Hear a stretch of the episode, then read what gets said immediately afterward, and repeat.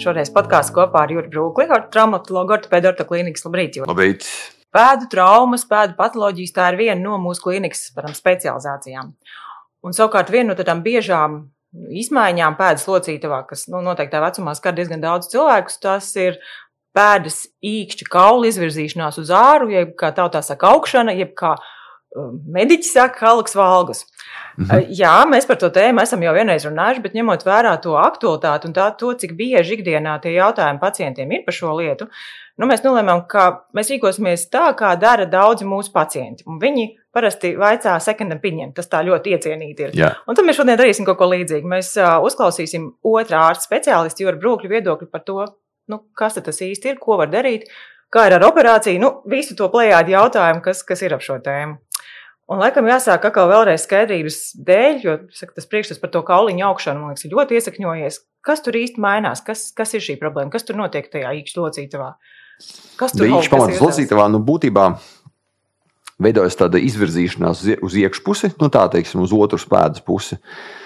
Tā pamat problēma ir uh, tāda, ka pirmais pleznas kauls, tas ir tas, kas kā, pirms pirksta, ja, uh, viņš virzās uh, uz pēdas iekšpusi Un sekundāri, jeb, jeb kā, kā sekas tam,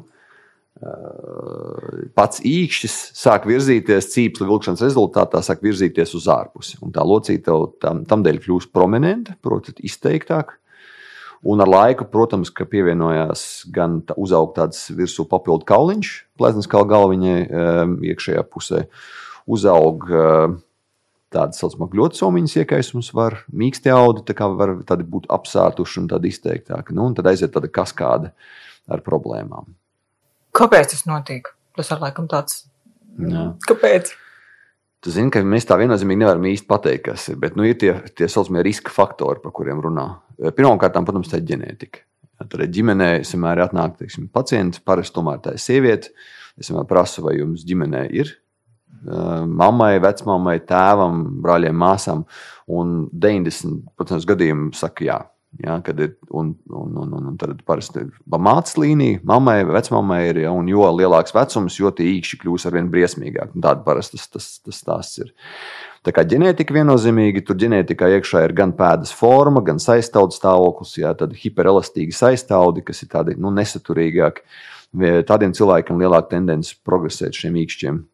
Bet mēdz būt arī ļoti jaunām meitenēm. Teiksim, tas runā par ģenētiku. Atnāk jau teiksim, 11, 12 gadīga meitene jau ar greiziem īkšķiem.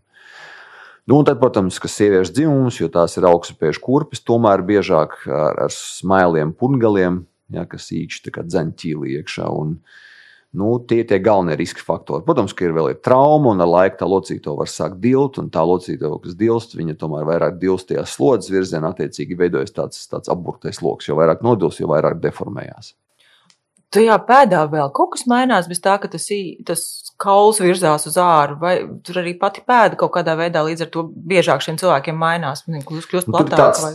Kā saka, ne, kurš kas pirmais vista vai ola? Jā. Bieži vien ir tāda plakanā pēda priekšējā, kad ir ļoti plata priekšējā pēdas daļa. Uh, to var veicināt savukārt, jo vairāk īkšķis virzās, jo vairāk tas pleznas kauls virzās uz iekšpusi, jo platāk kļūst pēda. Uh, pirmais pirksts bieži vien nokļūst konfliktā ar pārējiem pirkstiem. Var sākt teikt, stumt pirmais pirksts, stumt otro, trešo un pārējos uz, uz sānu un uz augšu vai uz leju. Biežāk tie mazie pirksti padodas uz augšu. Īšiem var būt problēmas ar nagu, dēļ tā, ka viņam ir kronisks konflikts ar otro pirkstu, pamazām veidoties naga problēmas. Jā. Var iejaukt naks, var būt tāds deformēts, eh, var, var naga sēnīt pievienoties. Nu, tas gan nav teiksim, iemesls, bet nu, tas var būt veicinošs faktors. Jā ir kaut kas, saprotu, ka mēs varam runāt par to, ka jau tas notiek, ko ar to darīt, bet varbūt tas solis pirms tagad, saka, tā ir bieži vien tomēr iedzimta problēma. Var kaut ko darīt jau laicīgi, es nezinu, paredzot, ka jā, nu, tur mammai, vecmāmiņai tā ir bijis, nu, kaut kas, kā tu vari to, nezinu, neprovocēt, nu, kas ir tā, kā to saglabāt. Jā. Nu, droši vien pirmkārt novērst tos riska faktorus. Mūsdienās tomēr tas ir, ir kļuvis vieglāk izdarāms, jo mūsdienās ir viss, ir, kā saka, kā ir tas vārds. Kad abiem dzimumiem ir līdzīgas, teiksim, var valkāt apavus, var daudz brīvāk laika apavus nesāt. Vairāk ir sporta apavi ikdienā iegājušie. Sievietēm vairāk nav obligāti jāvelk augstspējas kurpes, lai būtu par sievietēm.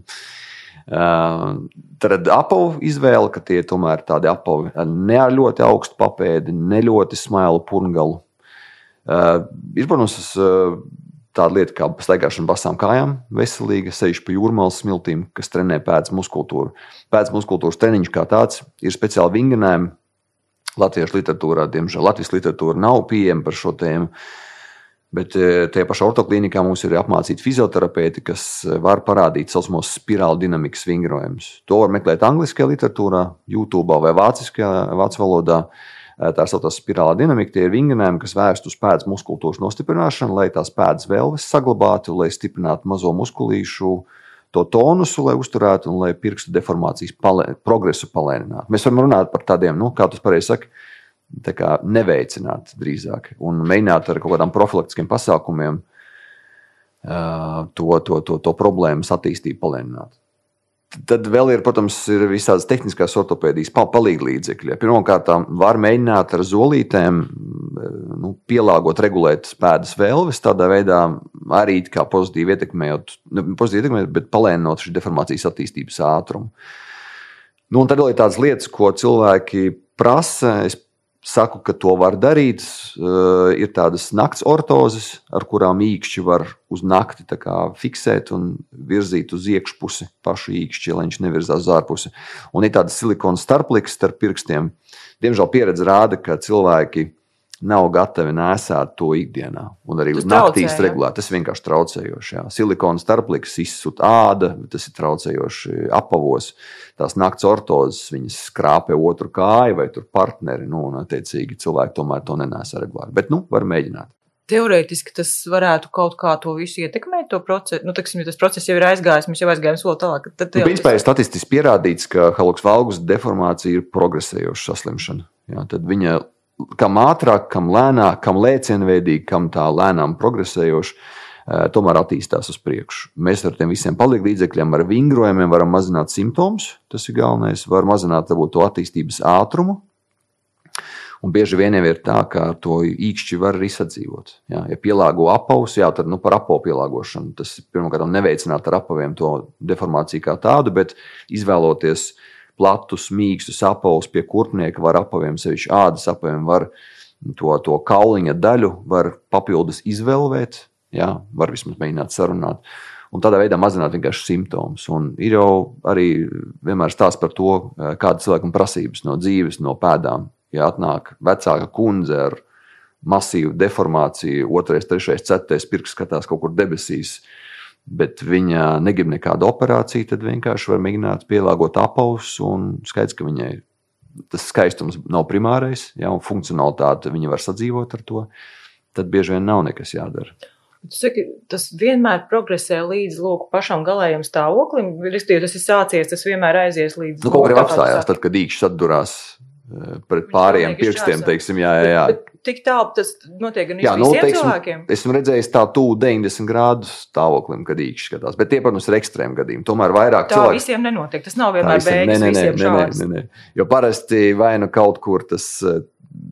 Kā, nu, es piedomu, ka nevis nu, nu, vārds pēdiņās nostājās, jā, bet kaut kur cilvēks kaut kā ikdienu pielāgo, lai tā deformācija tik strauji neprogresētu. Kaut kur jau, protams, viņa nevar būt bezgalīga.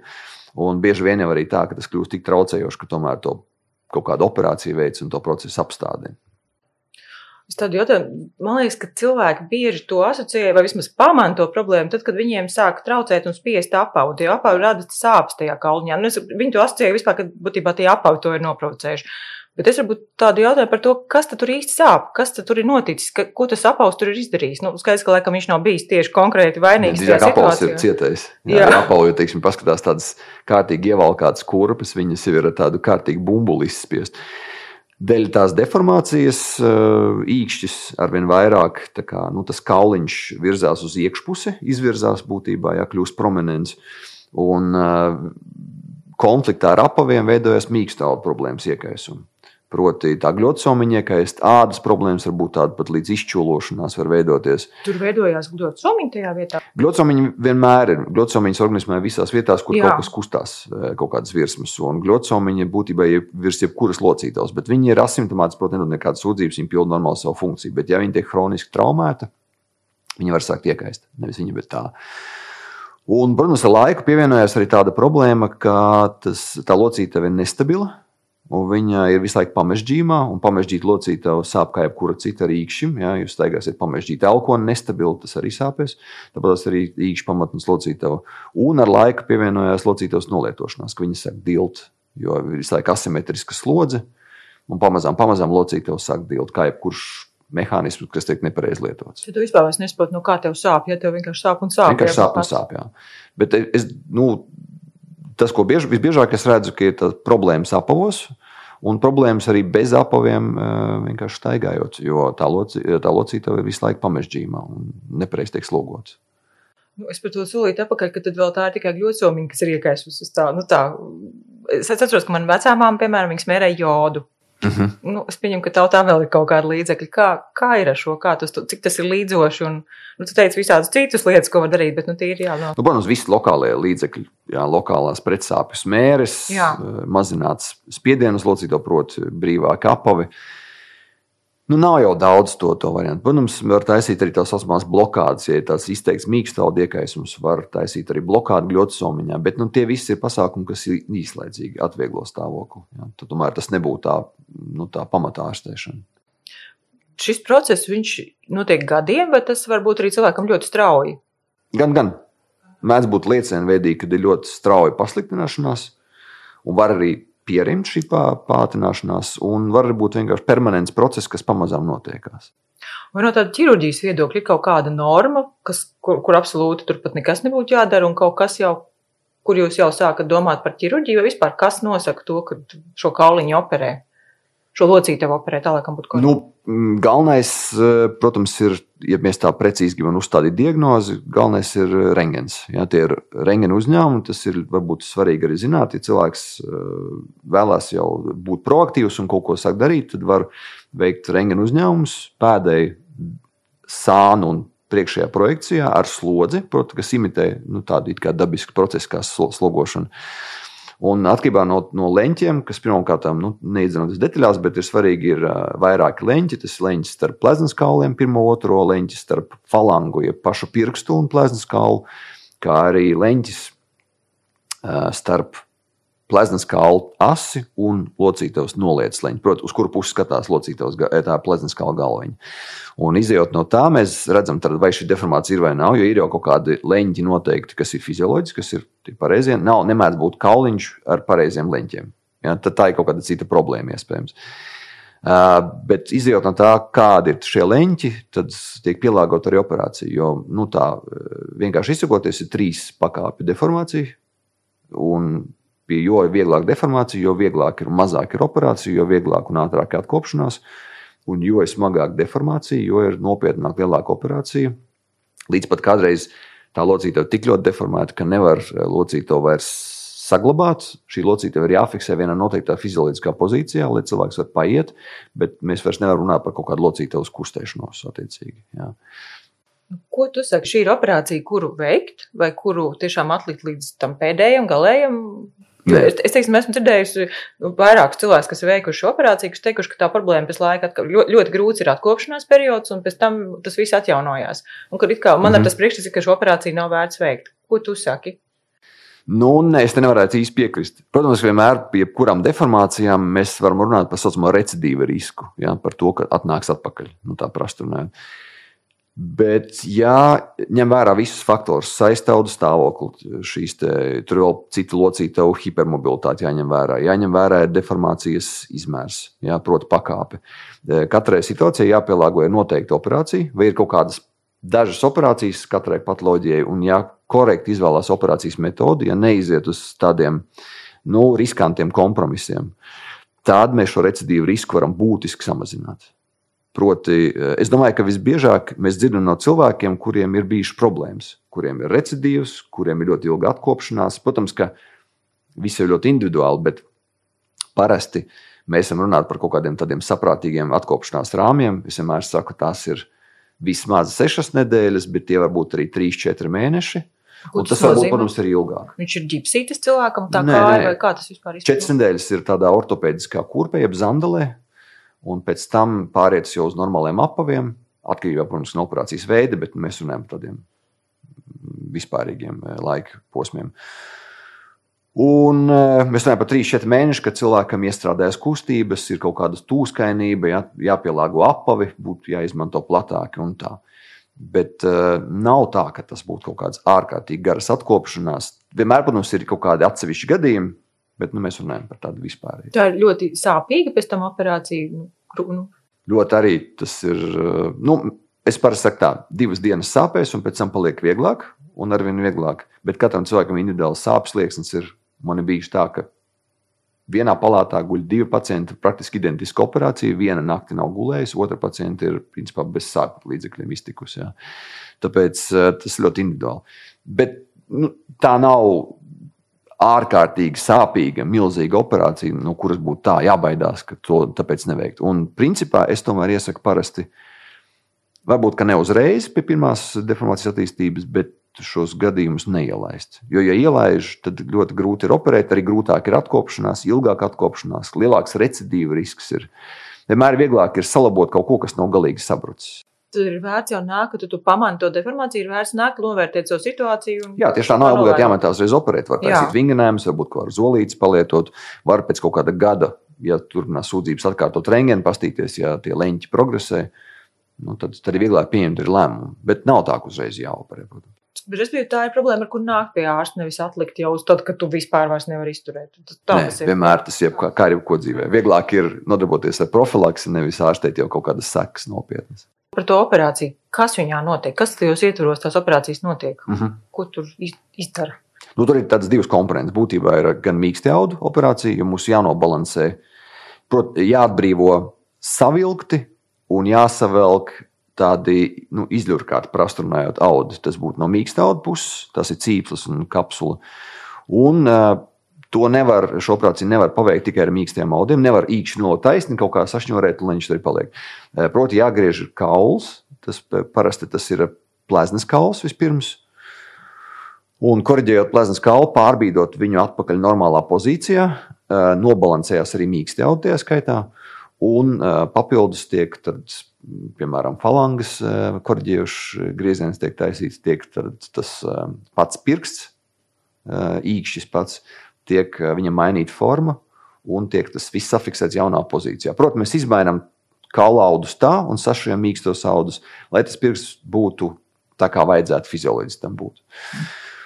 Un pēc operācijas ir tas atkopšanās laiks, lai tie kaulaudi un mīkstie audi aug. Un, eh, attiecīgi, lai mazinātu recidīvu risku, ir tāds speciāls pārsteigums, ko es iesaku. 4 līdz 6 nedēļas. To es parasti pacientiem pēc operācijas pēc divām nedēļām, kad tiek izņemta diega, parāda, kā to pārsteigumu pašam likt virsū.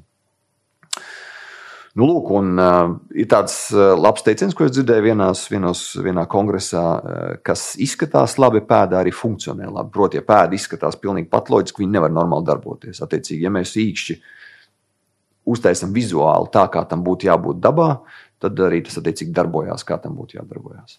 Tu teici, izņemt diegas, tas nozīmē, ka tā nav artroskopiska operācija, ka tā ir tāda nu, lielāka, tur kaut ko vaļēja. Nu, tā ir vaļēja operācija. Jā, artroskopiski nevar korģēt kaulaudus. Ir, protams, arī tā saucamā minimāli invazīvā. Tas ir, kad ar ļoti maziem griezieniem e, šīs deformācijas tiek korģētas, bet tur joprojām tiek šķēpi lausti. Vai e, tas ir labāk, tas ir tehniski e, sarežģītāk. Rezultāti nav slikti, bet tas ir visbiežāk ir tā, pie kā ķirurgs kādu metodi ir iemācījies, labi pārvalda, ar to metodi arī strādā. Nu jā, tā, jā, būtībā tā ir vaļēja operācija. Tā nav artoskopiskā, teiksim, ceļartoskopija, menisko operācija. Nē, šī ir vaļēja ķirurģija. Tas nozīmē, ka pēc tās operācijas arī pēda ir bišķiņa šaurāka. Parasti jā. Nu, būt, jā, jo biežāk, visbiežāk tad nevis pats īkšķis ir tas vainīgais, kurš skatās šķīvi, bet atpalinās leņķis starp pirmo otro pleznas kaulu. Un tieši tas leņķis primāri tiek korģēts. Tas ir tas galvenais mērķis, kas jāsasniedz. Jo savādāk īkšķi noliekot taisni, nekorģējot šo pirmo uh, leņķi starp pirmo otro pleznas kaulu, recidīvs ir ieprogrammēts. Un tie ir visbiežākie tie gadījumi, kad cilvēki atnāk un viņi saka, ka Man viena pēda jau ir operēta, reku palikusi šķība, reku otra man arī šķība. Bet es negribu operēt, jo es negribu tāpat, lai būtu citai. Un paskaties, visbiežākais, protams, ka mēdz būt visādi, bet visbiežākais iemesls tomēr ir nepareizi izvēlēta operācija konkrētai problēmai. Kā no, kā no šī izvairīties, no šīs varbūtības? Kā ir iespējams izvairīties? Izvēlēties pareizo operācijas metodi. Iespējams, izvēlēties, teiksim, pareizo ārstu, jo Um, man liekas, tomēr mūsdienās tā ir laba tendence, ka ir tā saucamā specializācija. Kā, Jā. protams, ir kaut kādas lietas universālas, ko, ko var izdarīt. Nu, Jebkurš ortopēds, kurš to metodi pārzina, ir lokalizācijas, kurās var daudz kooperēt. Bet, ja mēs runājam par tādiem jau eh, tādām specializētām kaut kādām nozarēm, tomēr ir labāk, ja, tas, ja to konkrēto lokalizāciju, konkrētu operāciju dara ķirurgs, kurš to dara pietiekami bieži. Un, attiecīgi, mūsdienās tā tendence ir uz specializāciju. Un, eh, ja cilvēks izoperē vienus, divus īkšķīšus eh, pa gadu, kā, kā bieži vien notiekās, tad tie rezultāti mēdz būt sliktāki. Statistiski tas ir pierādīts. Ja ir šī deformācija veidojas vienai pēdai, tad ar lielu varbūtību tas notiks arī otrai pēdai. Tas, tas ir visbiežāk ir, tā arī ir, visbiežāk ir sim, nu, nesimetriska, bet apusē deformācija. Jā. Atskatot gadījumus, atsevišķus gadījumus, plus arī gadījumus, teiksim, ir kaut kāda trauma bijusi, ka traumas rezultātā kaut kādas sekas. Jā. Bet parasti tās ir simetriska. Nevienmēr tā deformācija ir apusē traucējoša. Um, var šīs pēdas, ja tā operācija nav pārāk liela, ja nav deformācija ļoti izteikti, var taisīt abām divām pēdām. Protams, atkopšanās laiks ir sarežģītāks, tas pirmais sevišķi. Bet kopumā to var darīt vienā etapā, abas divas pēdas. Un kopējais, protams, atkopšanās laiks, viena narkoze, viena uzturēšanās slimnīcā, viena slimības lapa. Kopumā tomēr ir īsāka. Bet uh, es nemē, nemēdzu veicināt to, lai cilvēks uzreiz operē abas divas pēdas. Operē vispirms to, kas ir simptomātiski, nevis skaistuma pēc kaut ko darīt. Es par to dzīvi pēc, kā tu to pēdu vari izmantot. Viņa ir pilnīgi tāda pati izmantojama visam sportam, visam, visam. Jā, ja, visam. ja, ja izdodas eh, laikus deformāciju novērst, izdodas to izdarīt. Neupurējot kaut kādas struktūras, ja, tad nu, būtībā cilvēks atgriežas pilnīgi normālā dzīvē, ar normālu, kustīgu, stabilu locītavu. Uh, un, un, un, un, un paralēli uh, var novērst, protams, arī citas pēdas problēmas, jo bieži vien cilvēks sūdzās par tā saucamo sekundāro, jeb uh, kā sekas, varbūt metatarsaļģī, kas sāp mazo pleznas kaulu galviņas, un bieži vien īkšķis ir iemesls par tām. Un, ja teiksim, sakārto īkšķi problēmu, bieži vien arī citas problēmas pēdā atrisinās. Un, jā, jā, tas ir, man tas visvairāk patīk ar ortopēdijā, ka būtībā var salabot lietas tā, lai viņas kļūst funkcionēt spējīgas un atgriežas tā, kā būtu paredzēts. Jā. Paldies tev atkal šoreiz par sarunu. Es domāju, ka cilvēkiem, cilvēkiem atkal būs ko padomāt un ko salīdzināt. Jā. Tādēļ. Paldies, Paldies forši. tev. Jā, atā. Tā.